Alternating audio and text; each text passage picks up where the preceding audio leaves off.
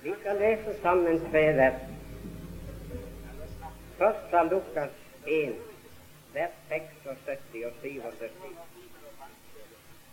Men også du, barn, skal kalles den høyeste profet, for du skal gå frem for Herrens åsyn for å rydde, for å rydde hans veier, for å lære hans folk frelse og kjenne ved deres synders forlatelse. I Efeserbrevet 1, det syvende vers. I dem, nemlig i Kristus, vi har forløsningen ved Hans blod, nemlig syndenes forlatelse etter Hans nådes rikdom. Amen. Av alle de velsignelser som Gud har velsignet oss med i Kristus Jesus, så tror jeg for min del at syndenes forlatelse i virkeligheten er den viktigste og den største. For til syvende og sist er det på den velsignelse vår evige skjebne beror. Har du fått din synd forlatt av Gud, så sier Skriften at du er frelst og blir frelst. Og har du ikke dine synders forlatelse, vil du gå redningsløs fortapt. Det er ingen vei utenom. Jeg kom i tanke på hva Jesus sa til synderinden i Simons hus i Lukas 7. Dine synder er deg forlatt. Din tro har frelst deg. Gå bort i fred. Han sa ikke 'dine synder er deg forlatt'. Din tro skal frelse deg, eller kan frelse deg. Gå derfor bort i håp. Han sa like frem 'dine synder er deg forlatt' og din tro har frelst deg. Den saken er avgjort. Så nå kan du gå bort i fred. Hun gikk bort som et av Herren fredlyst menneske. Et menneske over hvem Gud hadde løftet sin vernende og beskyttende hånd. Jeg vil derfor først for understreke at syndenes forlatelse det er begynnelsen til alt sant liv med Gud. Det synes jeg går så tydelig frem ifra det vi leste i Lukas 1, når det var sagt om døperen Johannes at han skulle lære Herrens folk frelse og kjenne ved deres synders forlatelse. Kjente de sine synders forlatelse og sannheten om den, så kjente de også sin frelse. Og kjente de ikke sannheten om sine synders forlatelse, kjente de heller ikke sannheten om sin frelse. Videre står det i Kolossenserbrevet, det andre kapittel og det trettende vers også eder som var døde ved eders overtredelser og eders kjøps forhud. Eder har Han gjort levende. I det Legg merke til det. Eder har Han gjort levende i det Han tilga oss alle våre overtredelser.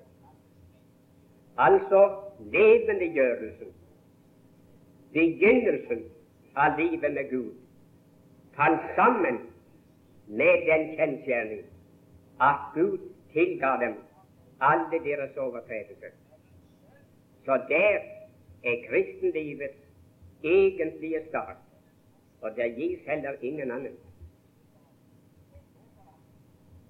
Men i denne velsignelse ligger ikke bare det at det er vårt livs begynnelse som en kristen. Men det er også fortsettelsen av vårt liv med Gud. Samtidig som det er roten til all sann helliggjørelse. Du kan ikke ha det ene og ikke det andre. De to ting de henger uløselig sammen. Det var en predikant et sted her i landet som hadde holdt et møte og talt om syndenes forlatelse. Teksten den sanser jeg ikke nå, og praktisk talt ingenting av prekenen. Men mannen, han hadde brakt et virkelig budskap fra Herren. Da møtet var slutt, og de var kommet utenfor, så var det en som vendte seg til en annen og så spurte ham nå, hva syntes du om den mannen, om den prekenen? Vedkommende hadde nemlig ikke vært der før. Så svarte en jo, han talte i grunnen godt, men eh, vi må huske på at det var bare begynnelsen han snakket om. Han kom ikke forbi syndenes forlatelse. Det var bare begynnelsen. Når jeg vil si, venner, at den mannen han sa sannheten med modifikasjoner. Det var ikke helt korrekt, det han sa. Det er riktig nok at det er begynnelsen, men det er løgn at det er bare begynnelsen. For det er også fortsettelsen og holder ved hele livet igjennom for et troende menneske. Jeg kunne bruke en illustrasjon. Vi har alle sammen sett et frukttre. Vi har sett stammen, kronen, bladene og frukten. Men alt det der som er synlig over jorden, og som uh, vi også kan beundre, og som, som vi kan nyte noe av. Alt det har sin rot nede i et gravkammer, nemlig der hvor et lite frø en gang falt ned og døde. Der er røttene. Derfra er det styrt opp, og derfra vokser det. Og hvor meget og hvor lenge det treet vokser, og hvor meget frukt det enn må komme til å bære, så kommer det aldri til å vokse opp og ut fra jorden. Men det vedblir blir å ha sin rot der nede i gravkammeret, der hvor frøet døde. Der hvor det spirte opp ifra. Det kan ikke døses derifra med mindre det blir løst. På samme måte er det også med denne mektige velsignelse som heter syndenes forlatelse. Den har også sin rot i et gravkammer, der hvor Kristus døde og der hvor han lå. Og Derfor leser vi her i Efesene 1,7 at i ham har vi forløsningen ved hans blod. Det refererer til hans død. Og hvor meget en troende enn må vokse, hvor fruktbar og nyttig han enn i sitt liv må bli for Herren, så kommer han aldri derhen, mine venner, at sannheten om Kristi død, Kristi blod, Kristi tomme grav, resultatene av det og syndenes forlatelse er overflødig for ham. Kom aldri derhen. Tvert imot, min venn, jo lenger han lever som en kristen, jo mer han vokser, jo mer befestes han i den sannheten. jo mer dyrebar og jo mer umistelig blir den. Jeg har sikkert sagt det her på Langaker mange ganger før, men jeg skammer meg ikke ved å gjenta det. Som dere vet, er det en mannsalder siden jeg ble en personlig kristen og opplevde mine synders forlatelse. Det skjedde i 1905, i oktober måned. Og den opplevelse blir aldri glemt, verken her eller i evigheten. Og det ville være urett, nesten synd, om jeg sa at jeg i alle disse årene ikke hadde oppdaget andre sannheter og velsignelser i Skriften enn sannheten om syndenes forlatelse. Jeg har det, og det har gjort meg godt. Det har vært med å holde meg oppe og båret meg igjennom, både i med- og motgang. Men jeg vil bekjenne for dere venner, jeg tror aldri at jeg noensinne har satt mer pris for sannheten om syndenes forlatelse som jeg har i kraft av Kristi død og blod, enn jeg gjør nettopp i dag. Ta den sannhet fra meg om du kan, og jeg har ikke mer enn noe håp. La meg få beholde sannheten om Guds tilgivelse, og dere skal få se meg i herligheten. Alle andre sannheter, godt folk, gir oss til oppbyggelse, til rettledning, til hjelp for oss selv og for andre under hele vår ferd og vår vandring, og derfor høyst nødvendige. Og det er påkrevd at de blir forkynt, og at vi får høre dem. Men jeg skal si dere at den dagen vi skal dø og har fått foten på terskelen til evigheten, så forsvinner alle andre sannheter. Så er bare den ene igjen. Kristus, du døde for meg. Og den ene sannheten, den holder. Jeg har selv, som dere vet, det har jeg sagt før, og det har dere hørt snakk om, vært like inne i døden. Så jeg har gjort erfaring på at alle andre sannheter, hvor store og hvor dyrebare de er, som jeg har forkynt, de mister sin aktualitet. Og de hørte livet til. Men når jeg skulle gå over grensen fra verden og inn i evigheten, så var det bare én sannhet igjen som jeg behøvde og som holdt. Det var sannheten om Kristi død, om Kristi blod og mine synders forlatelse. Ikke bare mine synder som et ugudelig menneske da jeg første gang kom til Herren, men tilgivelsen og forlatelsen for alle forsømmelser og for all urett som uh, kunne pekes på i mitt liv som kristen. Sådan vil det bli også for dere en gang, om Herren venter med å komme. Kommer Han, så skjer det så hurtig og så øyeblikkelig at vi får ikke tid til å resonnere over noen ting.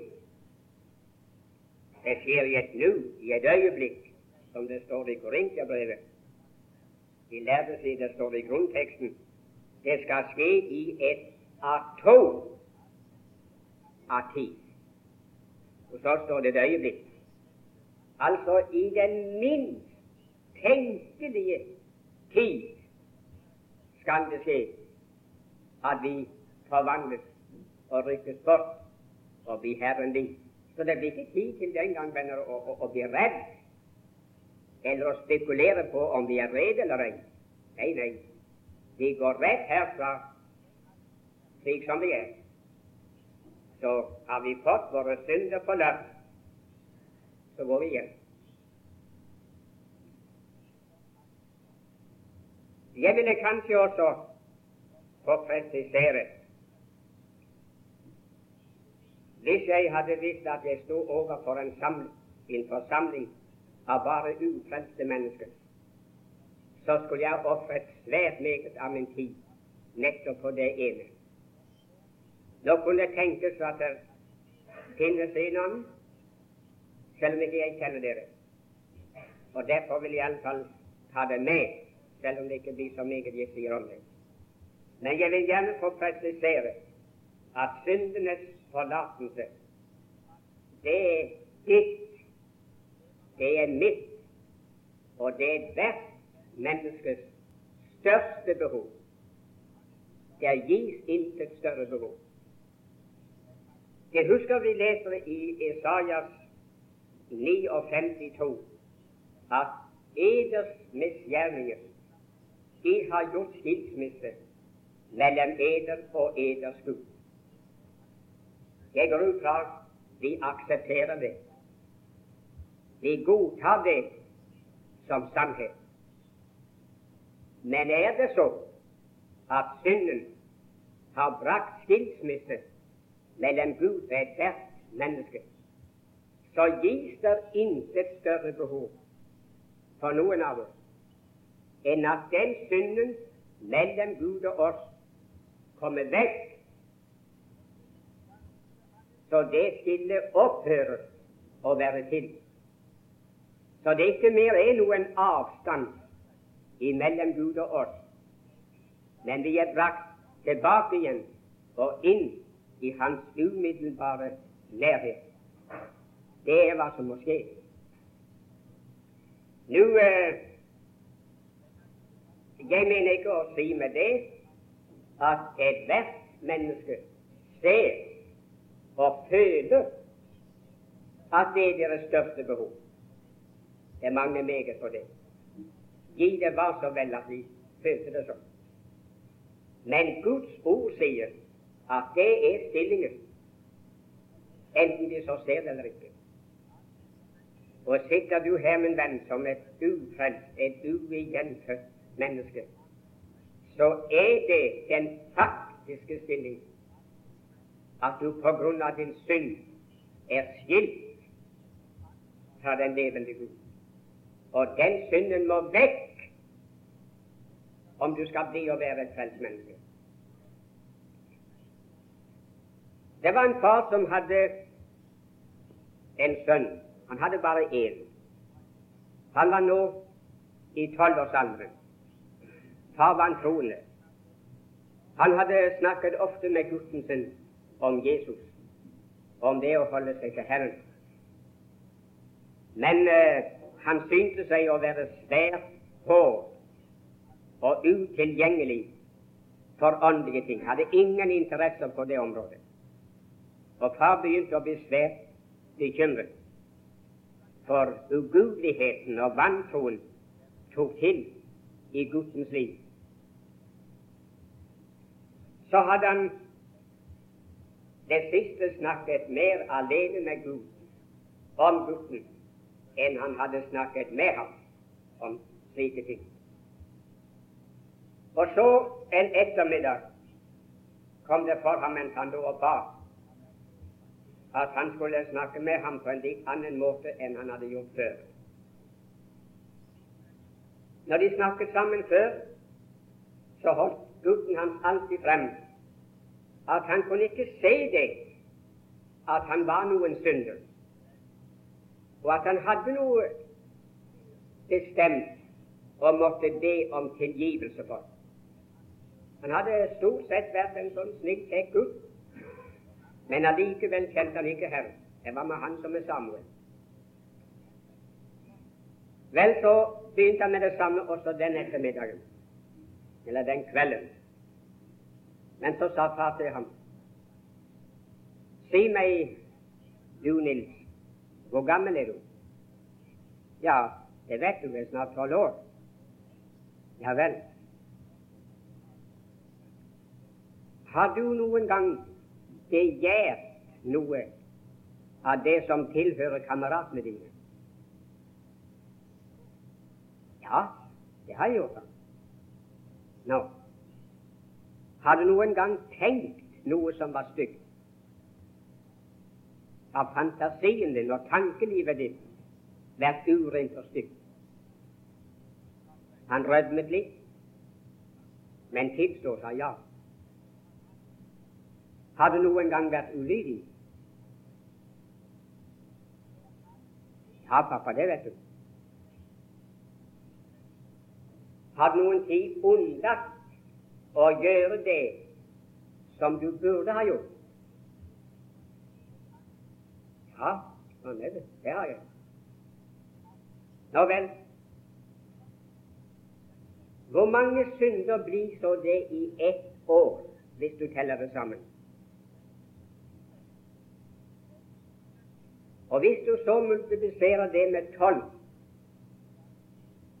hvor mange slike synder har du da i ditt liv i dag? Nå, slik hadde gutten aldri tenkt på det før. Så sa de god natt til ham. Gutten gikk opp og la seg. Men det ble nesten ingen søvn den natten. Det ble guttens forferdeligste natt. For det her, det sto for ham. Og så begynte han å telle. Og da morgenen kom, da visste den tolv år gamle gutten at han var en synder, og at han behøvde Guds tilgivelse. Og da han kom ned til frokost, så kom han ned gråtende. Og det endte med at han og far side om side lå på kne og ba Gud om tilgivelse. Men hvis menneskene ville foreta et slikt, er nesten sagt barnslig regnestykke med hensyn til sitt liv, hva som er rett og galt, så skulle det ikke vare svært lenge før de var kommet i nød det som de gamle kalte for syndenød, og innrømme for seg selv og for Gud og for mennesker at alt de behøver, det er Guds tilgivelse.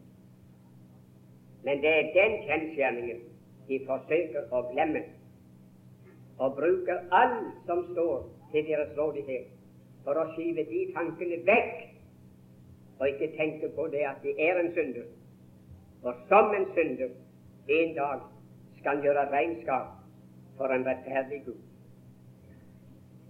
Jeg skal ikke si mer om den siden av saken.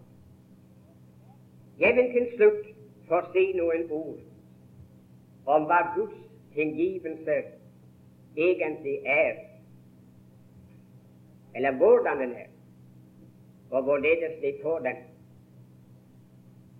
Dere vet hvordan vi får et menneskes tilgivelse og hva det er når et menneske har tilgitt oss. Har vi syndet mot noen annen, det kom noe imellom, så er det bare én vei å gå. Det å gå til vedkommende og gjøre den saken opp. Tilstå, vedgå, erkjenne og bekjenne hva vi har gjort. Og be om unnskyldning, be om, om tilgivelse, om det er mulig. Det er et surt eple å bite i for et stolt menneske å måtte gå den veien overfor sine medmennesker. Og mange, de fleste vel, de unnlater det så lenge som det er råd. Mange liker til sin dødsdag. Så det er frykten for døden og evigheten som tvinger dem til å gjøre opp slike synder som skulle være gjort opp for mange år siden. Den er det akkurat på samme måte her i vårt forhold til Gud. Vi har den samme vei å gå overfor Ham. Og går vi den veien, så er tilgivelsen der. Og hvorledes den er, skal jeg lese noen ord for fra Skriften. I Jeremias 50 og det tyvende vers sier Herren på den dag da skal man søke etter Israels misgjerning, men den skal ikke finnes. Og man skal søke etter Judas synder, men de skal ikke være til. Hvorfor? Nå står det for vil tilgi dem. Guds tilgivelse, mine tilhørere, det er med få ord sagt total utslettelse av synd. Den er. Det Han har tilgitt, det skal ikke finnes, selv om det blir søkt etter. I Jesajas 44, 22 heter det Jeg utsletter Merk, jeg utsletter dine synder som en tåke og dine overtredelser som en sky. Tenk for et talende bilde. Når sol og vind har feiet himmelrommet rent for tåke og skyer, så eksisterer det ikke mer. Det er ikke en, en pilot, en flyver, som kan finne de tåkedottene igjen. Himmelen er skyfri. Nå sier Herren, jeg utsletter dine synder og dine overtredelser som en tåke og som en sky og det er det ikke mer. Hos Mika står det i det syvende kapittel og nittende vers at jeg vil kaste deres synder i havets dyp. Jeg hører mange, når de siterer det vers, gjengi det slik at Gud har sagt han vil kaste våre synder i havet. Nei, nei, venner, det står ikke det. For det kunne være like i strandstenene, der hvor vannet ikke går over skoen. Var det i havet. Men han jeg vil kaste dem i havets dyp. For de har målt dybder i havet som er over en norsk mil. Kast en sten ned der, og prøv om du kan finne den igjen, og ta den opp igjen. Vi leser i avisen om froskemenn som leter etter dette og hit. Men selv en froskemann er på slike havdybder, så kommer verken han eller det han leter etter, opp igjen. Men er det bare et sterkt talende bilde for at det som Gud har tilgitt, er ikke mer. Det er vekk. Det er gjort ren bok mellom Gud og det mennesket. Og han har sagt at han skal aldri mer komme det i hus. Du kan huske på det det kan komme opp i min erindring. Djevelen kan sørge for at det kommer i våre tanker. Ja, ja, men det skal aldri mer besvære Guds tanke, og skal aldri mer bli bestemmende for Guds handlinger med det mennesket som han har tilgitt. Det er vekk. Det er glemt Det er, som de sier på engelsk, den sak, den er setlet. Ferdig med det. Det er avgjort.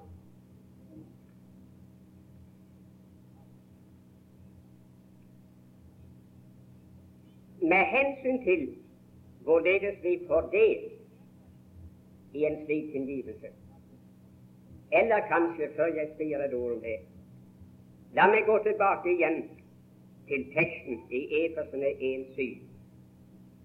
Han i hvem vi har forløsningen, nemlig syndenes forlatelse, etter Hans nådes rikdom.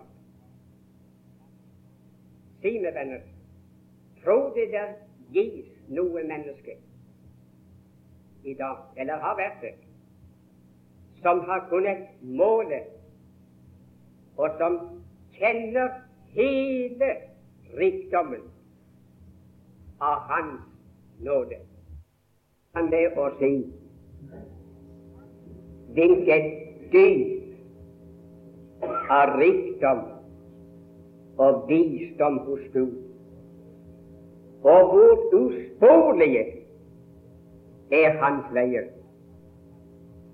Han hadde tatt spor på Gud i evigheten, fulgt ham inn i denne verden, i Kristi fornedrelse, fulgt ham gjennom verden, gjennom død og grav, fulgt ham til han satte seg på den høyre side av majestetens trone i himmelen. Men så tapte han sporet. Selv han måtte gi opp. Og så har vi, mine venner, syndenes forlatelse i forhold til rikdommen av Hans nåde. Skulle ikke det være tilstrekkelig? Må det ikke da være rett, det som David sa til sin sjel i Salme 103 Å, min sjel, lov Herren. Han som forlater deg all din misgjerning. Det er ingen unntak. Det kan ikke være det. Det samme gjelder deg, og det samme det gjelder meg. Og så med hensyn til hvorledes vi fordeler den, så anfører jeg bare et par skriftsteder. Jeg skal ikke ta tid til mer. I Salme 32 og vers 5, der sa David Jeg bekjente min synd for deg. Og Skjedde det noe? Skjedde det noe? Bekjente han bare, og så ble det med det? Nei, nei, min venn. Jeg bekjente min synd for deg, og du tok den bort. Så var den ikke med. Det første det angir tidspunktet når han fikk del i tilgivelsen. Han kaller det ikke tilgivelse, han, men han eh, gir uttrykk for det som tilgivelsen faktisk er. Det er fjernelse, borttakelse av synden, det som bekjennes for ham. Det skjedde da han bekjente sin synd for Gud. Det? Og bekjennelsen skjedde ikke derved at han var i stand til å regne opp synd for synd i sitt liv, og så ikke glemme noe. Nei, nei. Leser du 2. Samuels bok 12, så vil du finne at han brukte bare fem ord da han bekjente sin synd. Da han sto overfor Nathan, så sa han Jeg har syndet mot Herren. Og med en gang ble det sagt til ham Vel, så skal du heller ikke dø. Altså det å tilstå, vedgå, ta anklagen og skylden på seg overfor Guds ansikt, det sier Bibelen, det er å bli kjent for Gud. Og i det øyeblikk som David gjorde det, så tok Gud den vekk. Og du skal legge en strek under det at du tok den bort. Si meg, hvor mange ganger i Det gamle testamentet leser dere om Noas drukkenskap? At han drakk seg full. Hvor mange ganger leser du om Abrahams løgn?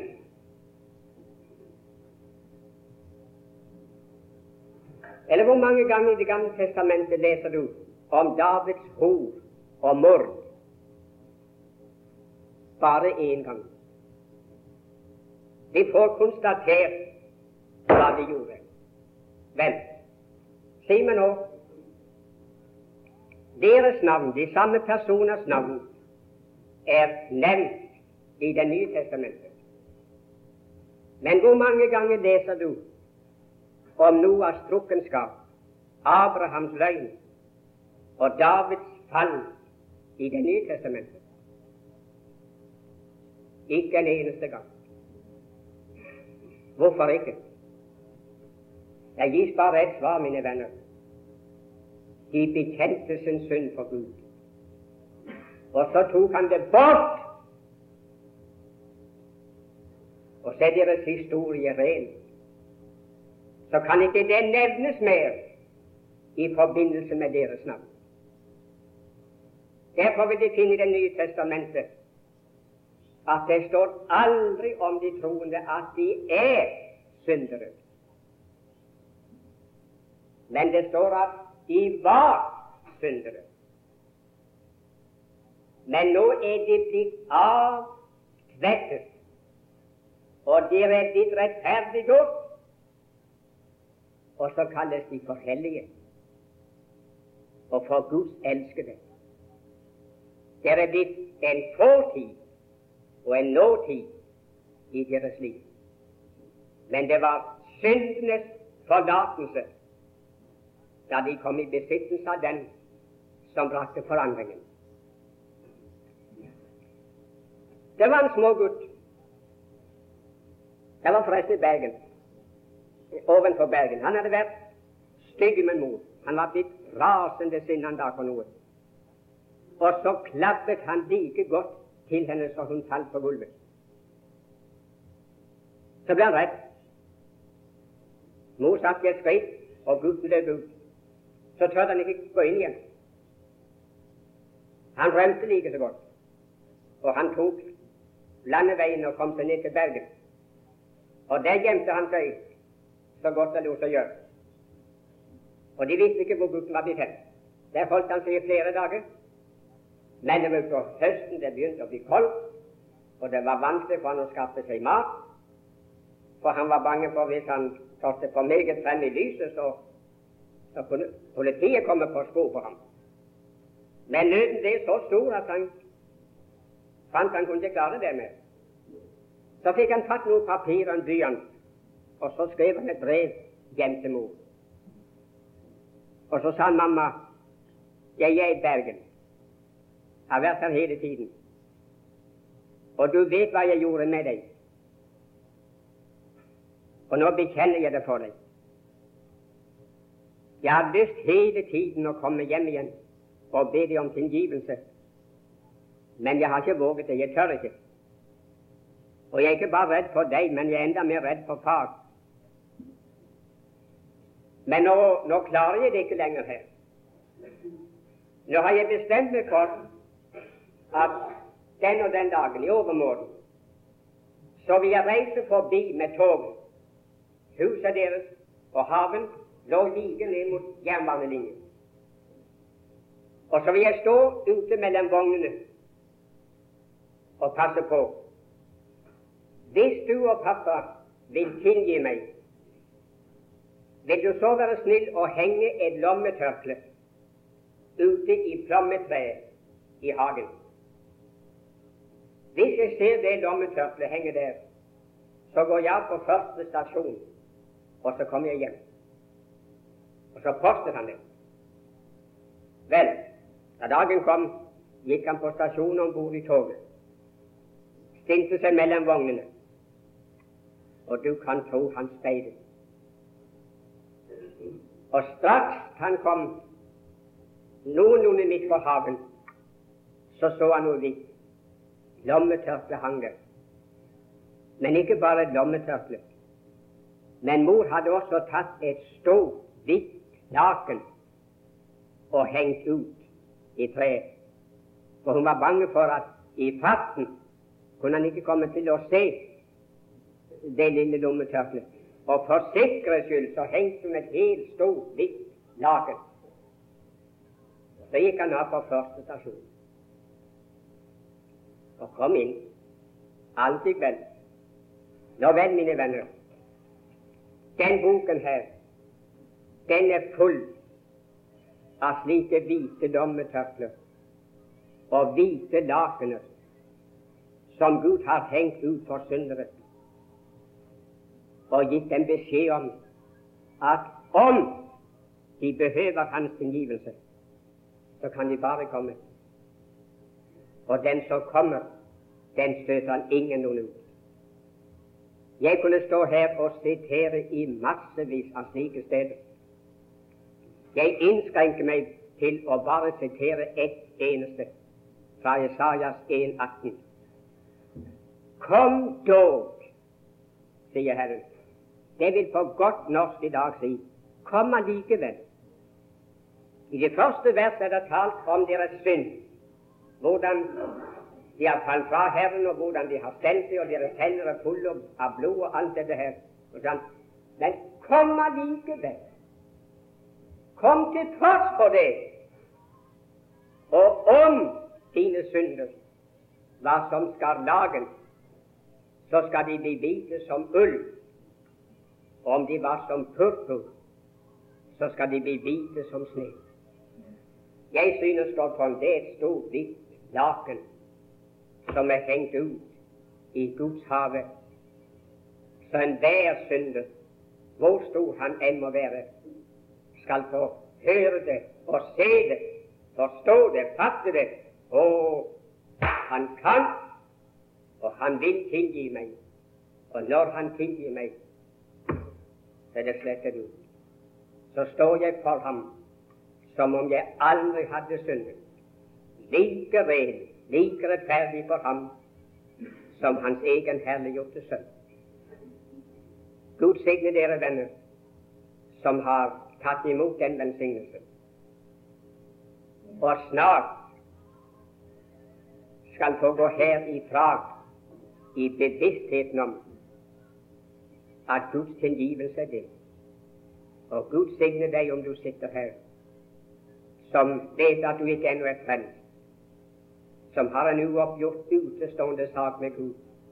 Gud give du kunne se lakenet i dag, og så vende deg til ham og si Gud, jeg er mannen, jeg har syndet. Tilgi meg for Jesus skyld. Det blir aldri tilgitt for din skyld. Tilgivelsen skjer bare av hensyn til den forløsning som er i Kristus Jesus. Amen.